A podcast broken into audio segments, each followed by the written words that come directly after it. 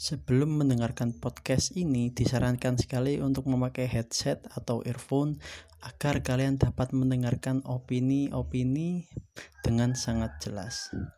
Kalau kalian sudah memakai headset atau earphone, silahkan lanjutkan mendengarkan podcast ini. Kalau belum memakai headset atau earphone, silahkan untuk memperhatikan dengan jelas opini-opini yang ada di dalam podcast ini. Oke, halo semuanya. Ketemu lagi dengan podcast Hanya Insani dalam sesi mencari makna. Sudah dua bulan nih podcast ini nggak jalan karena si Alvina nggak tahu ke mana enggak sih karena emang kita sedang sibuk masing-masing saja. Nah, kali ini kita akan membahas sebuah topik yang uh, cukup sensitif sebenarnya yaitu tentang toleransi. Oke, untuk pertama-tama nih aku mau tahu sih gimana pendapatnya si Alvina Indana Zurofatin. Seperti biasa kita dengan Zulfa. Alvina Zulfa, oke. Okay. Alvina Indana Zulfa. Uh, dengan dengan Alvina sekarang seperti biasa.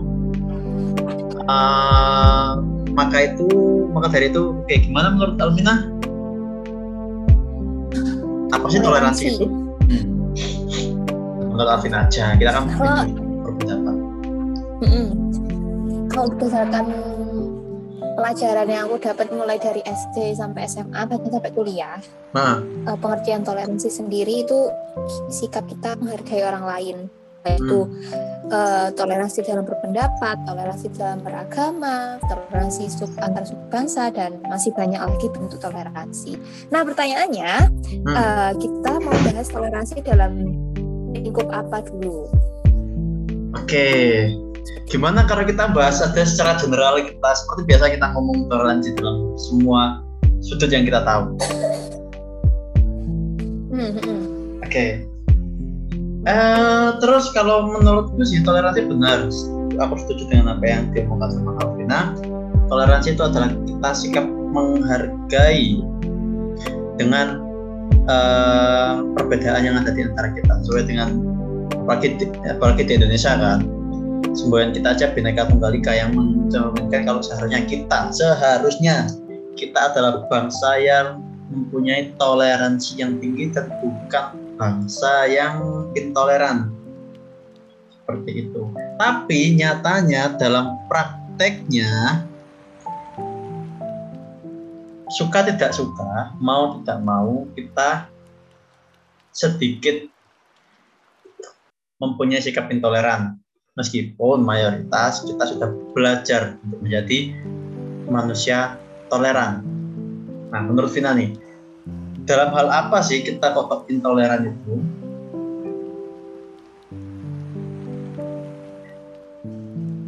Uh, kalau menurutku sendiri, kenapa kita terkadang punya sikap intoleran? Karena kita punya kemauan yang kuat. Jadi kita percaya kalau uh, kita percaya kalau pendapat kita itu yang paling baik. Jadi itulah yang mungkin menyebab, menyebabkan kita kadang bersifat intoleran. Oke, nah menurut Vina nih, uh, sebenarnya sikap intoleran itu katanya dari mana sih? Selain dari diri kita? Mungkin dari pengalaman juga bisa, karena dia pernah diperlakukan, uh, diperlakukan apa ya diremehkan.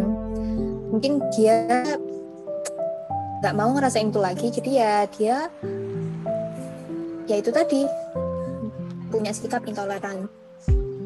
Hmm, intoleran dalam tahap apa nih? Misalnya nih Vin uh, ini sensitif sekali sih memang pembahasannya sensitif sekali. Dan kita bisa menyinggung. Tapi hmm. nih tapi nih tapi ada banyak kasus di mana kalau kita ada banyak kasus di dunia ini saat kita melakukan pembiaran terhadap sifat intoleransi dan kita tidak mendeteksinya sejak awal maka itu akan menghancurkan sebuah bangsa.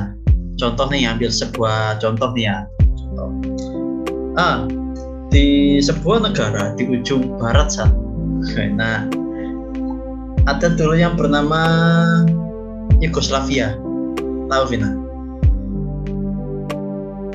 Pernah dengar sekarang ada nggak Yugoslavia tuh?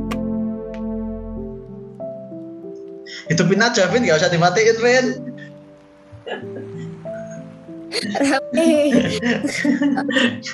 Gak apa-apa. Biar aku gak motong-motong maksudku.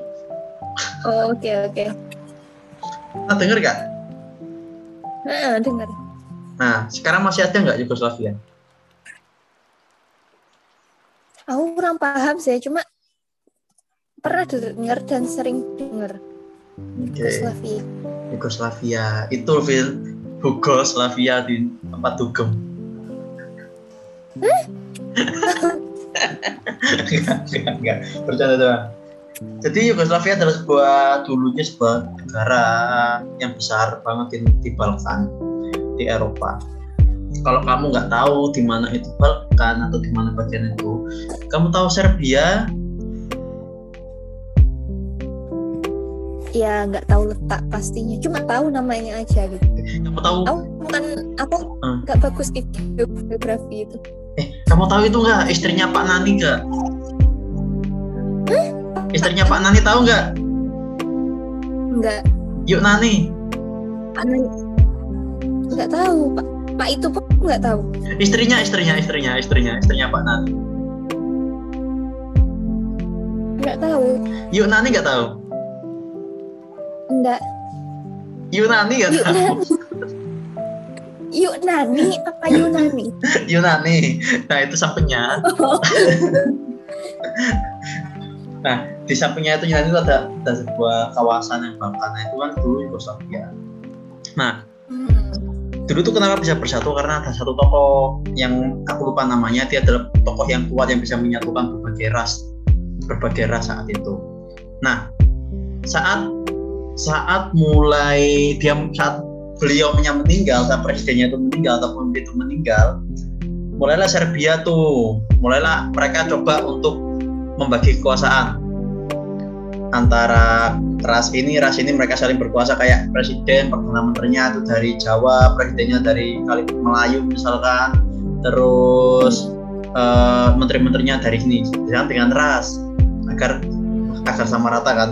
Lah nyatanya dari situ bukannya malah menyatukan negara malah memecahkan sebuah negara mempercepat pemecahan itu. Dan Serbia yang salah satu bagian dari Yugoslavia saat itu itu mengangkat pemimpinnya secara uh, apa tuh aklamasi kah? Bukan.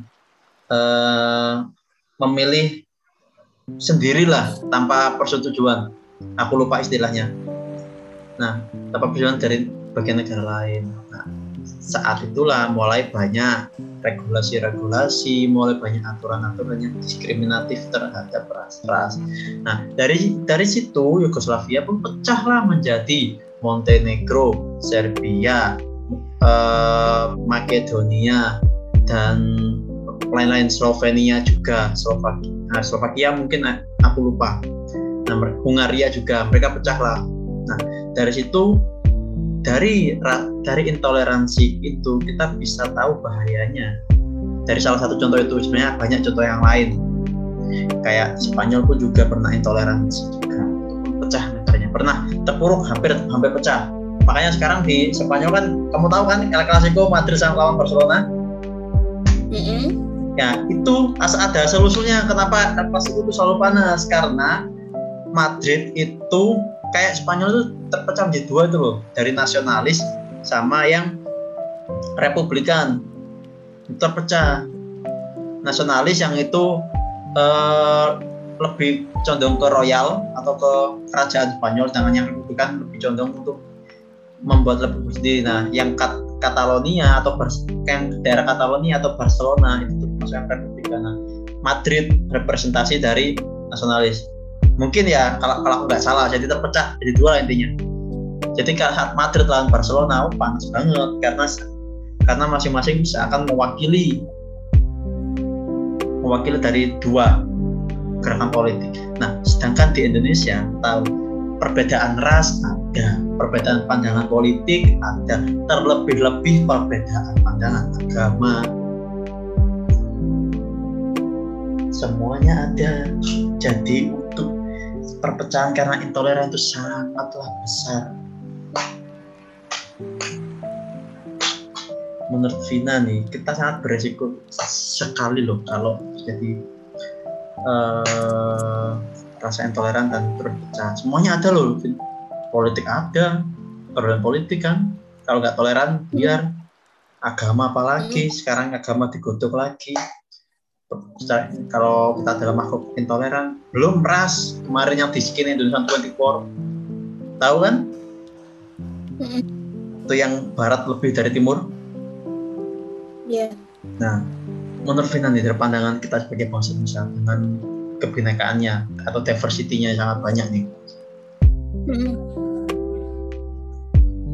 Apa sih contohnya rasa intoleran yang ada sekitaran Vina? Kita sekaligus mengakui dosa-dosa kita lah sebagai makhluk yang pernah melakukan intoleransi. Uh, yang Vina lihat, yang Vina lihat uh, di sekitaran kita aja nanti aku juga bakal membagi.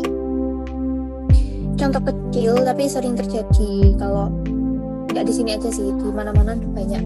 Itu perbedaan antar kasta terutama tentang harta.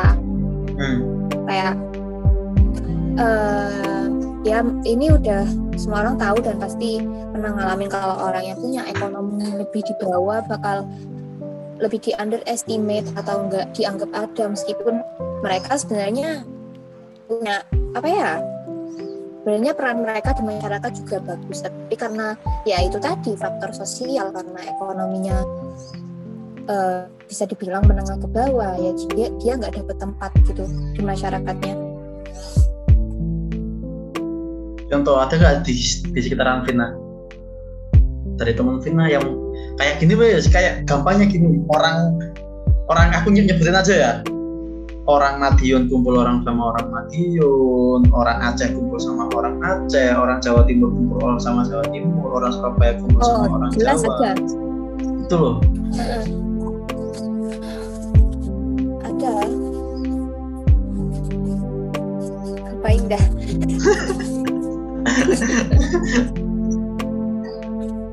itu gimana kalau kita menanggapinya? Hmm, ini terjadi pas aku lagi kuliah sih kayak waktu itu kan ya aku sebenarnya bukan tipikal orang yang ketemu orang dari daerahku terus ke mana-mana lengket atau ngekor terus enggak cuma waktu itu yang bikin aku kayak salah satu cultural shock itu kita anak Jakarta ngumpul sama Jakarta aja kayak mereka kelompokan sama anak keluar Jakarta nggak mau main sama anak keluar Jakarta nggak mau. Ya gitu sih. Sama kapanku ya. Gimana ya?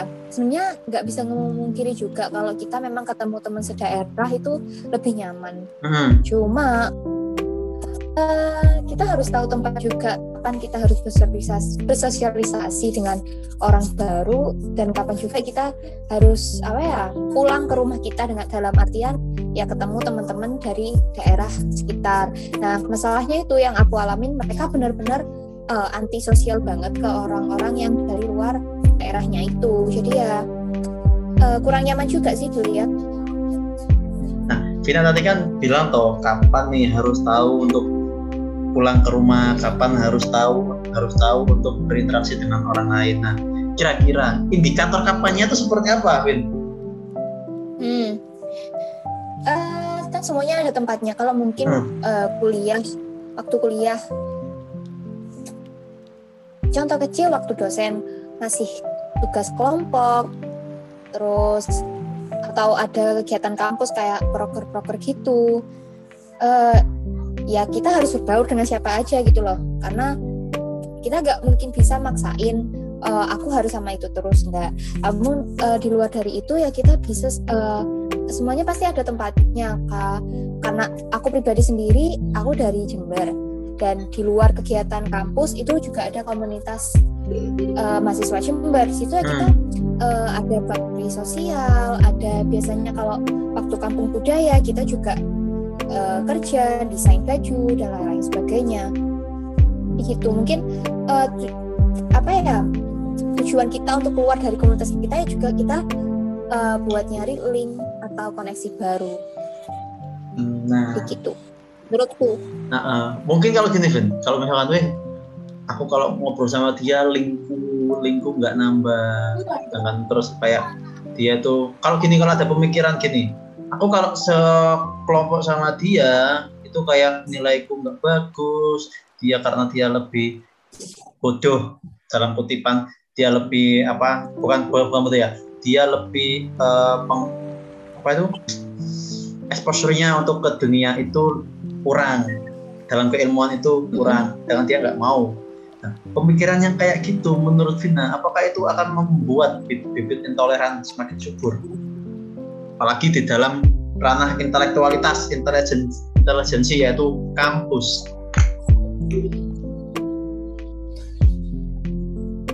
bisa jadi karena mungkin aku itu uh, ngaitkannya antara antara toleransi sama uh, gimana orang meremehkan orang lain di sekitarnya itu. Uh. Jadi intoleransi muncul ketika kita udah merasa diri kita tinggi dan meremehkan orang lain. Di, situ bibitnya. Jadi kalau uh, orang pertama kali kenal atau belum kerja pun udah menjudge orang atau mengunderestimate dia nggak bagus, dia bakal bikin repot aku aja. Well ya, yeah, itu udah bibit buat jadi dia intoleran people. Nah, atau di sisi lain intoleran juga bisa bisa dari rasa kita merasa kalau kita kecil daripada orang lain yang membuat kita agar kita apa namanya itu seperti yang Vina awal kan tadi ngomong kan. Kalau kita merasa kecil kita merasa dari pengalaman kita selalu disakiti akhirnya membuat kita untuk berontak. Bisa akhirnya kita mempunyai sikap intoleran. Atau kita merasa inferior akhirnya kita merasa nggak mau gabung dengan pihak dengan pihak atau atau atau komunitas yang kita rasa lebih tinggi daripada kita. Itu juga bisa menimbul sikap intoleran. Jadi lebih enak sih kita punya sikap tenggang rasa seharusnya. Seharusnya. Kita merasa empati. Itu harus penting. Itu penting juga. Kita harus merasa tenggang rasa kita harus merasa kalau kita itu semua ini uh, nah, kalau dalam Islam semua ini makhluk makhluk Allah. Jadi kita harus habluminanas itu kalau dalam Islam tapi kalau dalam Islami kita ini adalah individu yang punya perasaan yang sama. Jadi ke kemanusiaannya harus kita kuatkan. Itu dalam sisi sorry dalam sisi sosiologi ya kayak gitu. Nah ada data menarik nih Vin. Data menarik nih. Eh, aku agak agak sedikit kesel juga sih dari survei ini. Dari jadi kemarin Maret 2008 eh sorry Maret. Maret 2021 nih Maret 2021 nih nih nih nih. Ada sebuah survei yang dilakukan oleh oleh yang dilakukan oleh aku lupa ntar aku ingat oleh sebuah badan survei di Indonesia yaitu apa ya sebentar aku tak klik Nah, eh, ini survei skalanya skalanya nasional yang pertama. Dan baru Maret 2021 kemarin itu diflorkan ke eh, apa namanya ke, ke, ke publik dari PPIM UIN. Ingat dari PPIM UIN Jakarta. Oke, dari PPIM UIN atau Pusat Pengkajian Islam dan Masyarakat dari Universitas Islam Negeri Jakarta. Nah, penelitian ini dilakukan dilakukan pada November sampai 27 Desember 2020. Masih hangat toh? Kayak gorengan enak ya, ya hmm. kalau masih hangat-hangat. kangen kangen roti goreng aku nih gitu. Dan dan ini dilakukan di 34 provinsi di Indonesia. Hampir semua berarti. Eh di Indonesia itu 34 apa 35 ya sekarang? Lupa aku. 35 35 Ini, sekarang. eh nggak tahu sih. Iya. Tiga, tiga, iya 35 Kalimantan Utara juga kan? Hmm. oke. Okay. nah 35 provinsi dan dilakukan secara proporsional jadi merata meskipun ada satu provinsi yang terlewati kurang tahu ya Nah, itu datanya dihasil dia, diambil dari 2.866 mahasiswa dan targetnya adalah perguruan tinggi. Kenapa perguruan tinggi? Karena mereka dianggap adalah agent of change. Mereka seharusnya sebagai institusi yang menggodok sifat toleransi dalam skala nasional. Setuju? Setuju. Oke. Tapi hasil survei ini bagus kok. Untungnya bagus, yaitu 69,83 persen itu memiliki sikap toleransi beragama yang tinggi. Oh ya, di sini itu dilakukan bukan hanya ke agama Islam saja ya, tapi semua agama di Indonesia, yaitu Katolik, Protestan, Hindu, Buddha, Konghucu dan juga aliran kepercayaan yang pokoknya agamanya berbeda lah. Semua agama di Indonesia diakomodir dalam penelitian ini, berbeda dengan penelitian sebelumnya. Nah, Uh, jadi sisanya ada ternyata sisanya ada 30,16 persen yang memiliki toleransi beragama yang rendah. 30 persen loh dari 100 persen. Itu dari sikap. Sedangkan dari perilaku, perilaku ya perilaku kita bisa bertoleransi. Bagaimana kita berinteraksi, bagaimana cara kita ngobrol, uh, ternyata hanya oh ternyata hanya total itu hanya sekitar uh, 11 sampai 12 persen yang menunjukkan perilaku toleransi yang rendah atau sangat rendah. Sisanya itu kita menunjukkan di nangarep ngarep wong apik. Oke, okay, di depan orang itu baik, baik itulah untungnya kayak gitu. Ah, untungnya kayak gitu. Tapi tapi untungnya masih bagus lah. Dan kampretnya adalah yang bikin aku jengkel adalah dan aku juga mengakui itu ternyata oke okay, ternyata untungnya sikap toleransi antara dosen dan mahasiswa itu bagus di dalam di dalam ranah yang tinggi, dalam skala yang tinggi, di mana dosen itu 46,68 persen, jadi bukan cuma mahasiswa ya, dan mahasiswa itu 49,83 persen di dalam kegiatan uh, pembelajaran. Namun perlu diingat, dosen dosen memiliki prosentase yang lebih besar di dalam toleransi di dalam toleransi yang rendah atau sangat rendah di mana totalnya ada sekitar 40 persen. Oke, itu ya dalam sikap. Sedangkan perilaku mahasiswa perilaku untuk toleransi sangat tinggi yaitu 70,8 persen. Ini kita ngomong data kita ngomong data ya. Terus Vina, ah, ah, toleransi terhadap agama yang lain ternyata eh ternyata survei itu menunjukkan kalau Islam menduduki posisi yang sangat rendah dalam toleransi dengan agama yang lain. Dan perguruan tinggi yang mempunyai sikap intoleran terhadap agama lain yang paling tidak adalah perguruan tinggi agama sedangkan di situ ada ada tiga jenis yang lain yaitu perguruan tinggi kedinasan, perguruan tinggi swasta, dan perguruan tinggi negeri. Mereka rata-rata ada di tinggi. Sedangkan di perguruan tinggi agama itu mempunyai toleransi terhadap agama lain sangat rendah. Sangat disayangkan sekali sebagai yang mayoritas mau nggak kita dengan survei kita ditemukan mempunyai sikap intoleran yang sangat tinggi dan sikap toleransi yang sangat tinggi. Menurut Vina bagaimana? Nah, itu sebelum aku menanggapi itu dijelasin nggak salah satu faktor apa yang bikin mereka uh, yang membuat presentasi mahasiswa yang beragama Islam punya tingkat toleransi yang rendah.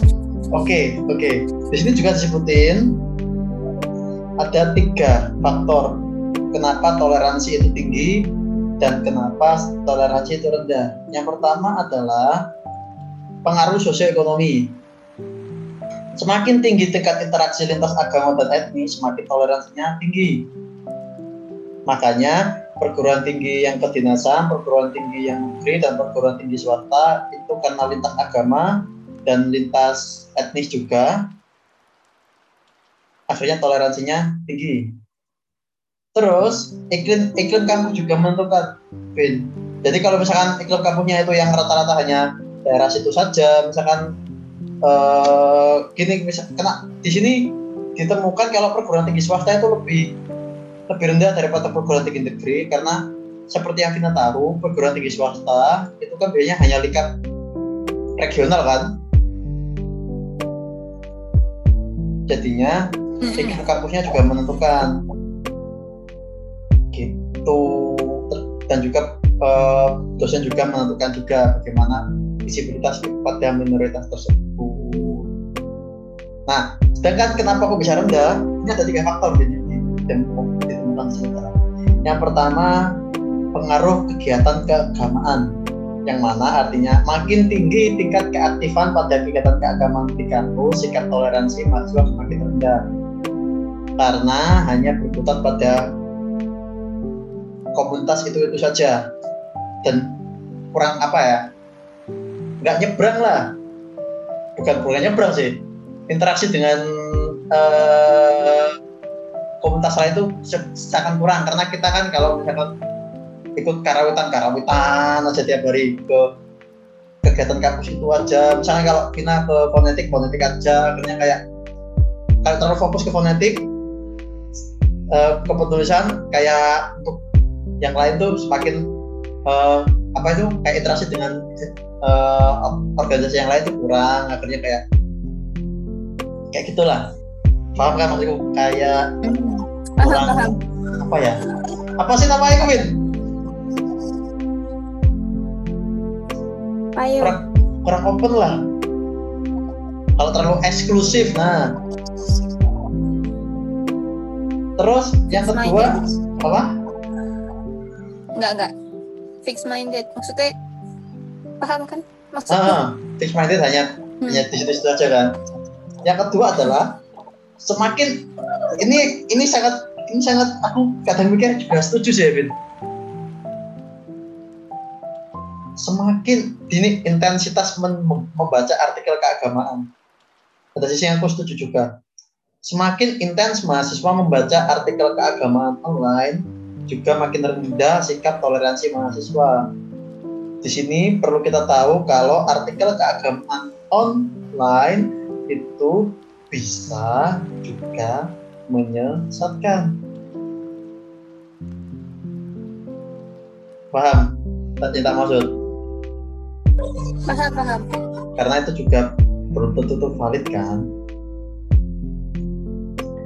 dan juga rasa keterancaman makin tinggi rasa keterancaman baik sosial maupun ekonomi makin rendah sikap toleransi mahasiswa jadi kalau nah ini kayak kebalikannya tadi loh. Fit kemudian ngomong kalau seseorang yang punya sikap yang sorry seorang sudah mempunyai yang mereka lebih tinggi itu mereka akan mempunyai sikap toleransi yang rendah karena mereka lebih tinggi kan? Hmm. nah dengan ini kalau seseorang yang merasa mereka lebih rendah akan mereka akan merasa terancam. Makanya itu sikap toleransi mereka terhadap orang lain yang misalkan yang mereka anggap di atas mereka atau yang merasa biasa-biasa saja nggak ada pengaruhnya itu mereka akan uh, akan sedikit mempunyai rasa intoleran terhadap mereka juga.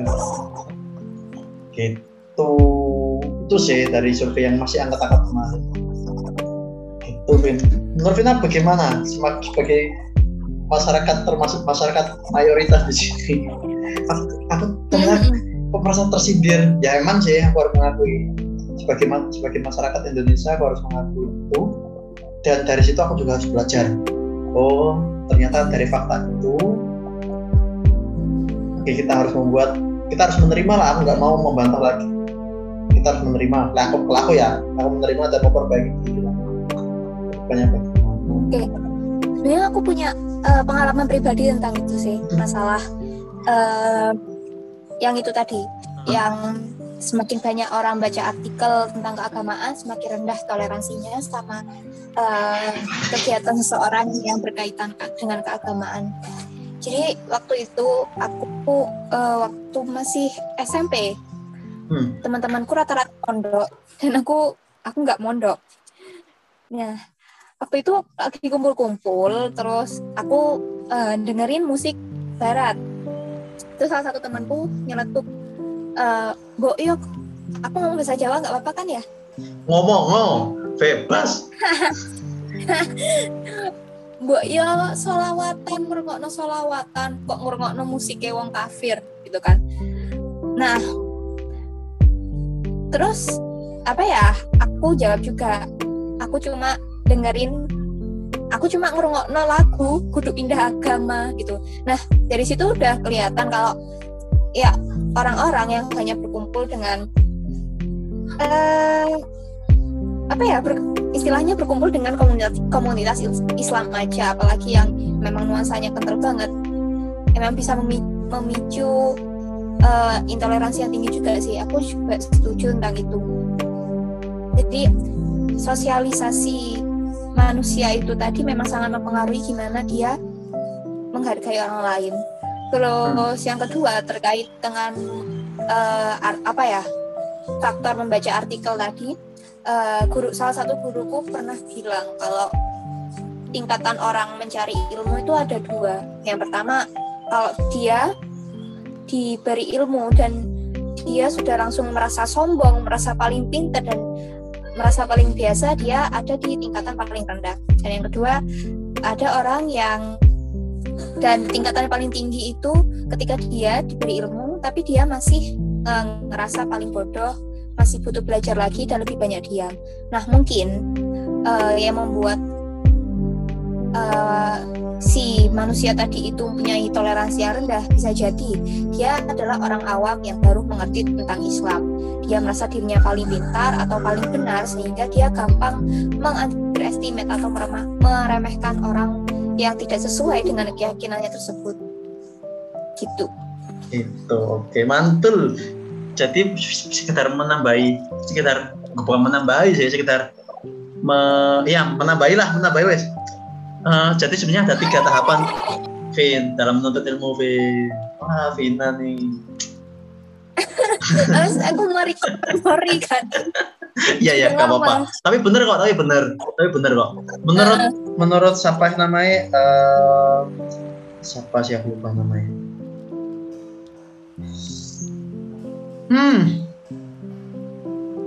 Menurut siapa sih Imam eh ya Allah apa sahabat Nabi yang kedua itu yang khilafah yang kedua itu loh setelah Nabi wafat oh, oh Abu Bakar eh Abu Bakar yang pertama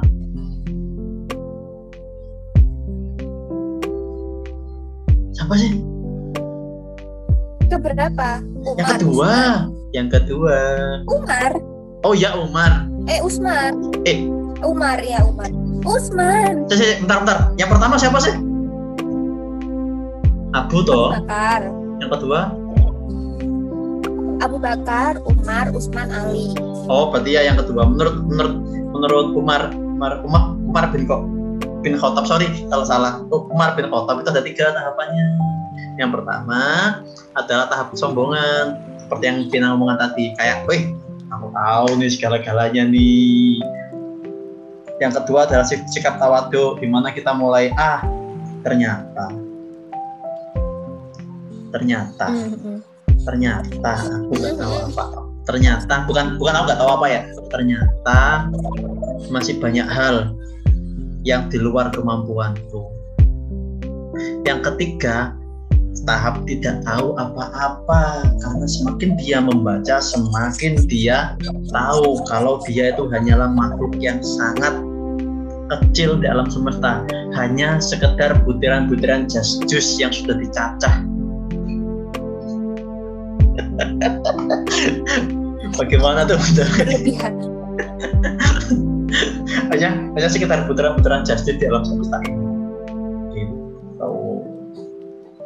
Itu sih. Nah benar sih menurut Buna. Jadi seharusnya caranya kalau misalnya kita baca online itu hanya kita diskusi bareng-bareng untuk men, untuk mencari kebenaran bersama dan kebenaran sendiri itu dari sikap itulah sikap toleransi antar agama antar budaya antar ras dan antar manusia itu bisa tercipta dengan yang sangat dengan apa ya dengan harmoni.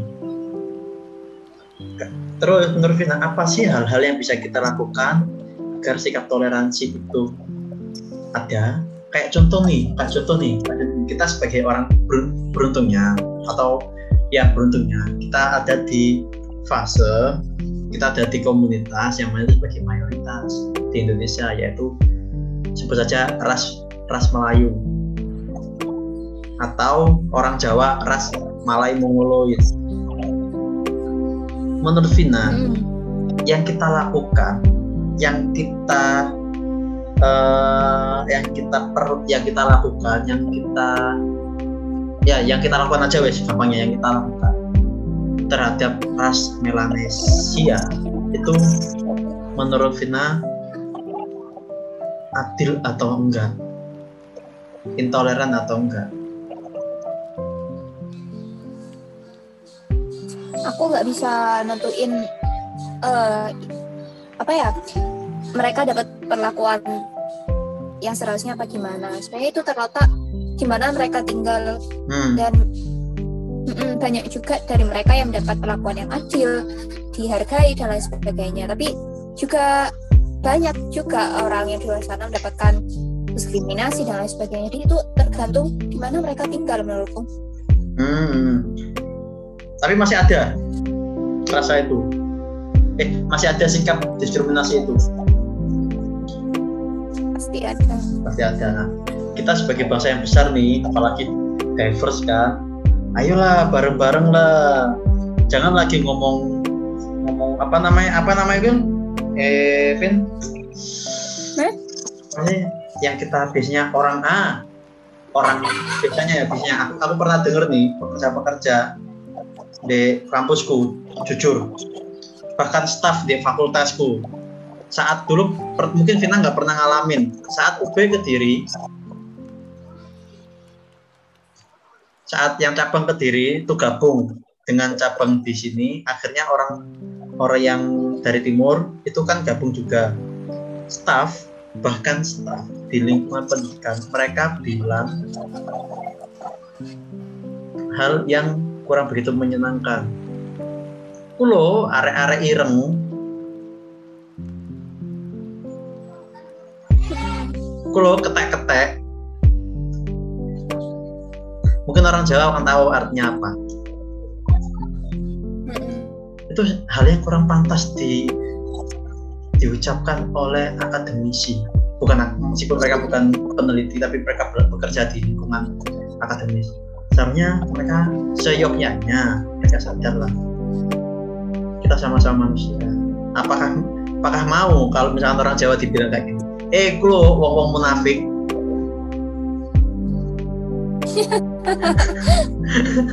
Mau?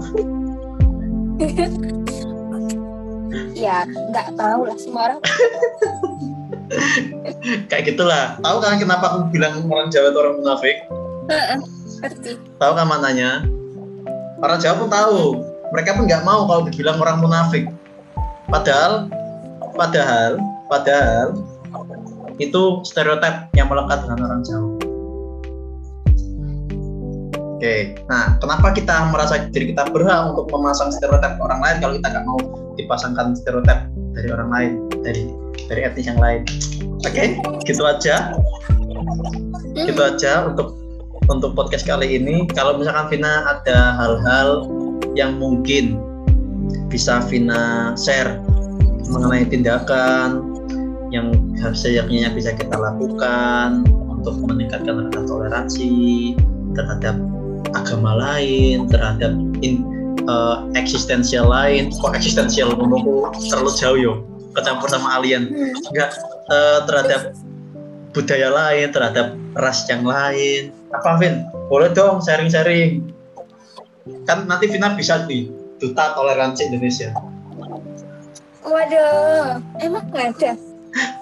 Dong, kita harus bisa ciptakan dong. Kan sesuatu yang baik Kenapa sesuatu yang baik nggak kita ciptakan? Kayak duta, duta lingkungan, kenapa nggak duta toleransi? Nah, ya kan? Ya udah. Apa Win?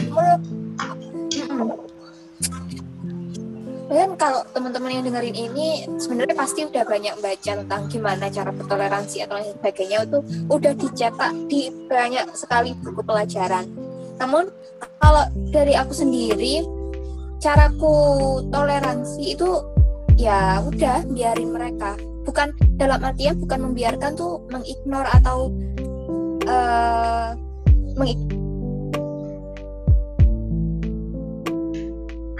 Halo?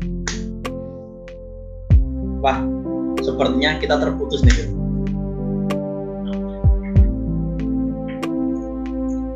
Vina. Alvina, main yuk. Oh, mulai awal ya? Alvina, main yuk, mulai awal lah. Enggak, sih mulai terakhir dari awal. Uh. Ya, itu tadi. Kalau sebenarnya tentang cara gimana kita toleransi sebenarnya udah banyak dicetak di buku-buku sekolah kalian atau bahkan buku-buku novel-novel juga udah banyak uh, diajarkan gimana kita cara toleransi.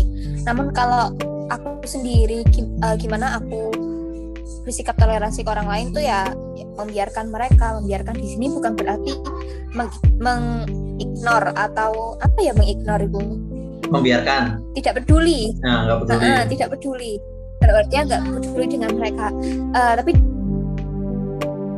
bebas melakukan mereka yang mau. Mereka bisa mendapatkan apa yang kita lakukan juga karena kita harus bagi-bagi ya. Bahkan hati kita pun juga harus dibagi gitu. Mana? ya kalau mereka ya nggak ada salahnya kalau mereka bersikap normal kayak kita. Uh, uh, selagi mereka nggak melanggar norma-norma yang ada di sekitar kita ya that's fine nggak apa-apa. Itu sih. Jadi kita memberikan ruang kepada mereka exactly oke okay. Ya lah, nanti aku sebenarnya mau bahas itu hati yang dibagi itu maksudnya seperti apa, tapi nanti aja di di off cam ya, Vin kita bahas.